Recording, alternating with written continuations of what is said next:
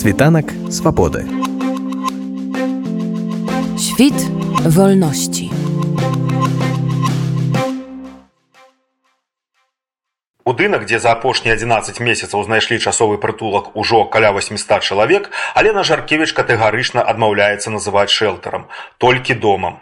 Такі ж самы дом яна стварала ў 2021 годзе ў Кіеве, куды была вымушана пераехаць за палітычнага пераследу і здзекаў з боку лукашэнкаўскіх сілавікоў. Спачатку з жыллём дапамагалі ёй, а потым дапамагаць такім жа страціўшым свой дах над галавой пачала яна.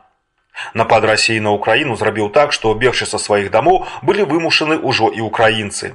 Прыехаўшы ў Беласток, спадарыня Алена працягнула сваю справу. Цяпер на часовае жыллё, арганізаванае ёю, маглі таксама разлічваць украінскія ўцекачы. Я сразу думала, будет дом для белорусов просто, а потом мы решили, что это будет дом для украинцев и белорусов ну, потому что, во-первых, им тоже нужна помощь, а я два месяца эвакуировала людей в Украине. А потом я так подумала, что было бы очень круто, чтобы мы обменялись опытом беженства и чтобы белорусы рассказали о том, что происходит у нас в стране. Потому что то, что украинские чиновники знают там спецслужбы и все остальные, это не значит, что знают обычные люди. Да? И так и получилось. К нам начали приезжать сюда беженцы из Украины, которые общались с Беларусью, да, и они понимали, что у нас хуже история, даже чем в Украине. Там, ну, я не буду говорить про ужас, да, что там убивают, все, но многие из тех, кто здесь жил, они говорили, Леночка, мы же можем вернуться домой в любой момент, да, а вы не можете. У вас война без войны, понимаете? И все. И вот так мы, короче, и живем. У нас периодически есть украинские семьи, периодически белорусские. Больш таго, на пачатку украінцаў у доме было нават больш, чым беларусаў, але з цягам часу сітуацыя змянілася. Грамадзяне ўкраіны прыязджаць сталі ў меншай колькасці, ды і прыярытэт у доме пачалі аддаваць беларусам. Украинцам и так как бы помогают. И те украинцы, которые здесь жили, я им предложила, говорю, давайте мы с вами сделаем такой же дом. Но они не захотели. А я понимаю, что украинцам и так помогут, а белорусам нет. Потому что белорусские дома, которые сегодня есть, вот мне недавно звонили, тоже консультировались наши белорусы, в Варшаве открывают дом, и они говорят, мы открываем дом только для тех, кто политвязни, официально признанные весной. А я, знаете, отношусь к этому очень негативно, потому что нельзя белорусов делить. Нельзя говорить политвязню, больше помощь нужна, чем кому-то, кто бежал, потому что, да, политвязнь, мы, безусловно, должны все помогать, но когда человеку в одну секунду надо сбежать из Беларуси, тогда, возможно, у него здесь будет проблем больше, потому что когда я, приехав в страну, я официально не признанная политвязнем, я, слава богу, не досидела до суда, я сбежала, но я знаю, что даже я, приехав сюда, имея протокол, имея еще что-то, могу написать в какой-то фонд, у меня есть подтверждение, там, да, пять арестов, там еще что-то, и мне помогут. А если человек приезжает сюда, и у него нету ни одного подтверждения репрессий, то он никому не нужен. И я считаю, что это неправильно, потому что тем самым мы лишаем возможности белорусов, которые там, ну, надеяться на помощь здесь. А они там очень нужны. Те белорусы, которые там остаются, и они не арестованы, это не значит, что они ничего не делают. Они зачастую иногда делают больше, чем кто-либо из нас мог делать. И поэтому я считаю, вот мы должны им помогать. Угу. Поэтому это белорусы. А, вось гэты поток беларусаў з Беларусі, якія трабуюць нейкага сховішча, нейкага жылля такого часовага, и он не зменшается, ці зменшается? Он так же, как и в Киеве, уменьшился перед Новым годом. А после Нового года опять вот стало, стали ехать, ехать, ехать. И сейчас было точно, точно так же. Перед Новым годом у нас выехали люди, ну, на свое властное жилье, все. А потом они опять поехали. Его не становится меньше. Как только объявляется план перемога, наши партизаны подорвали мочулище, и у нас начались звонки, люди начали искать варианты, как сбежать из страны, потому что там аресты. Чем больше ты видишь арестов, тем больше ты понимаешь, что... Ну, зараз тут, когда сочить за новинами, что дня некие облавы, некие арешты. Да. И этот поток не, не ослабевает. Я выехала 28 мая 2021 года. С середины июня 2021 года я заселяю к себе белорусов. Я не могу назвать время, когда их не было. Они все едут, едут, и если бы была возможность заселять сюда 100 человек, то здесь бы жило 100 человек. Просто такой возможности нет. Паводле Алены Жаркевіч аднойчы ў доме адначасова жыло прыкладна 30 чалавек. Таксама была сітуацыя, калі даглядаць прыходзілася за 25 дзяцьмі. Зараз там усе беларусы.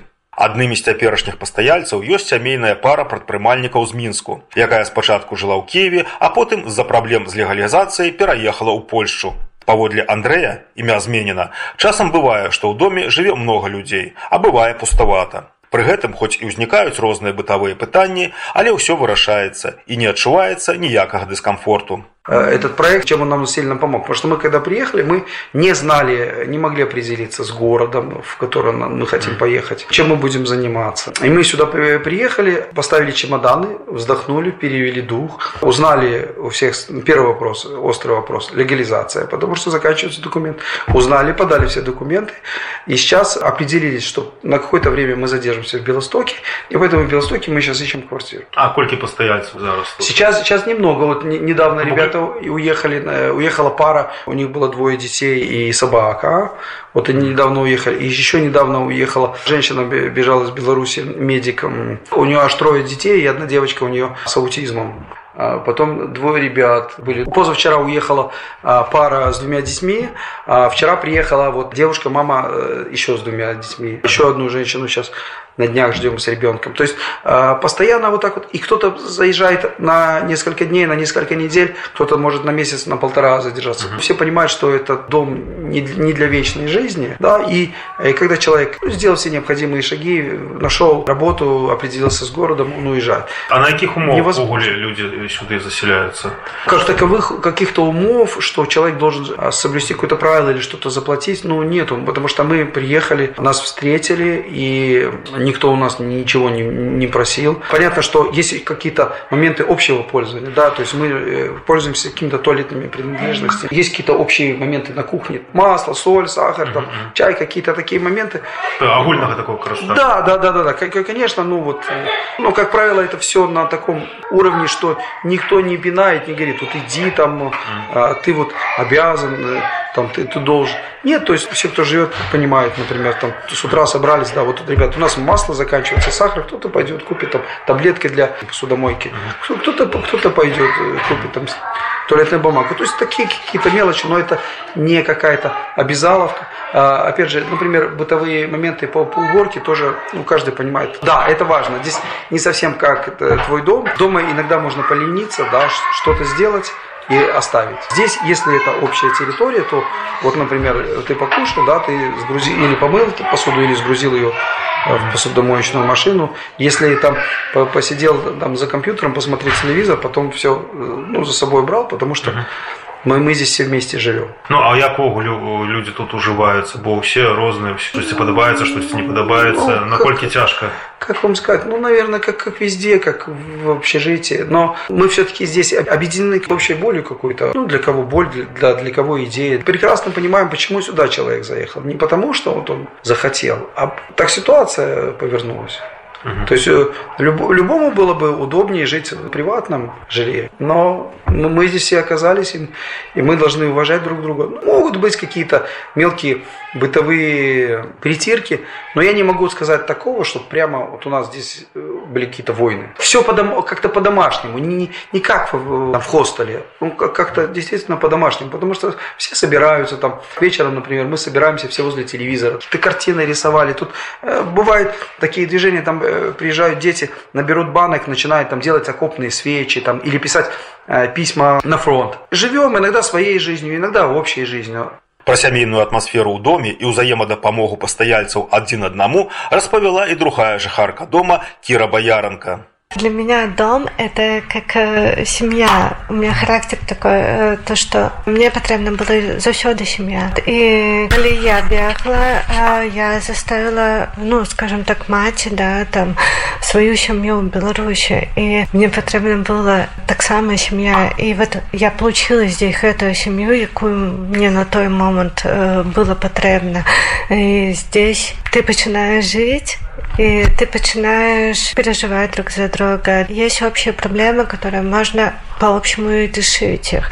То есть нет как бы только твоих проблем. Есть люди, у которых ты можешь просить совета, и тебе дадут совет, тебе допомогут, коли там нешта патрэбна зрабіць а у тебя допустим зусім нічога не мае то есть здесь есть общие проблемы как в настоящей семьи Але бытавая ўзаемапавага і сямейная атмасфера не ўсё, што патрабуецца для існавання такога дома. Першапачаткова ён быў арганізаваны тымі, хто ў ім жыў. Яны ў складчыну плацілі за камунальныя паслугі, а аренду аплочваў добры знаёмы Алены Жаркевіч, беларус з Украіны. Аднак увосень нехта адмовіўся ў складчыну аплочваць камуналку, заявіўшы, няхай плацяць фонды. Быў абвешчаны збор, які на даны момант паспяхова закрыўся. За пять дзён сабралі патрэбныя 10 тысяч злотых, сцвярджае Алена Жаркевич.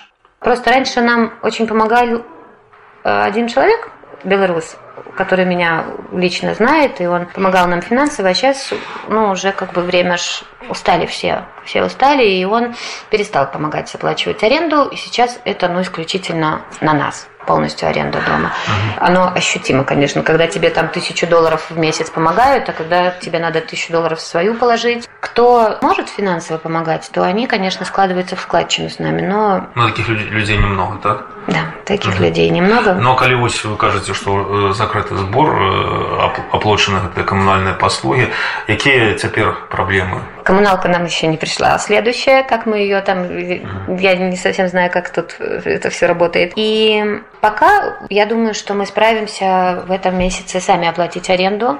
Но если все эти люди уедут, ну, которые мне вот сейчас кто может помогать, да, ну, кто живет, то я думаю, что в мае месяце, если я обратилась в фонд Маршала, я обратилась вот Наста Базар, искала, помогала нам финансирование, то нам просто придется перестать вообще быть таким домом, потому что, ну... Ну, утримливать его не сможете. Не сможем, да. Мы не сможем, у нас просто не будет денег. Я обращалась и к офису, и много кому доносить пыталась, что это нужно, и мне очень хочется, чтобы белорусы в этом участвовали. Я понимаю, что люди устали, но в то же время понимаю, что мы не имеем права вот настолько устать, чтобы не делать этого. Угу. Я не знаю, как решить этот вопрос. И я думаю, что ну, мы немножко вот переживем такой период тяжелый и само собой что-то решится. Думаю, что, может быть, нас поддержит фонд Маршала или еще какие-нибудь фундации увидят и поймут, что ну, это действительно нужно. Ну, так до этой поры вам никто с фондов разных не допомагав? Нет, за два года, сколько я так живу, ни один фонд нам не помогал, ни одного раза. Я не обращалась никуда. А чаму увогуле вось вы гэтым займаецеся бо польская дзяржава яна можа прадаставіць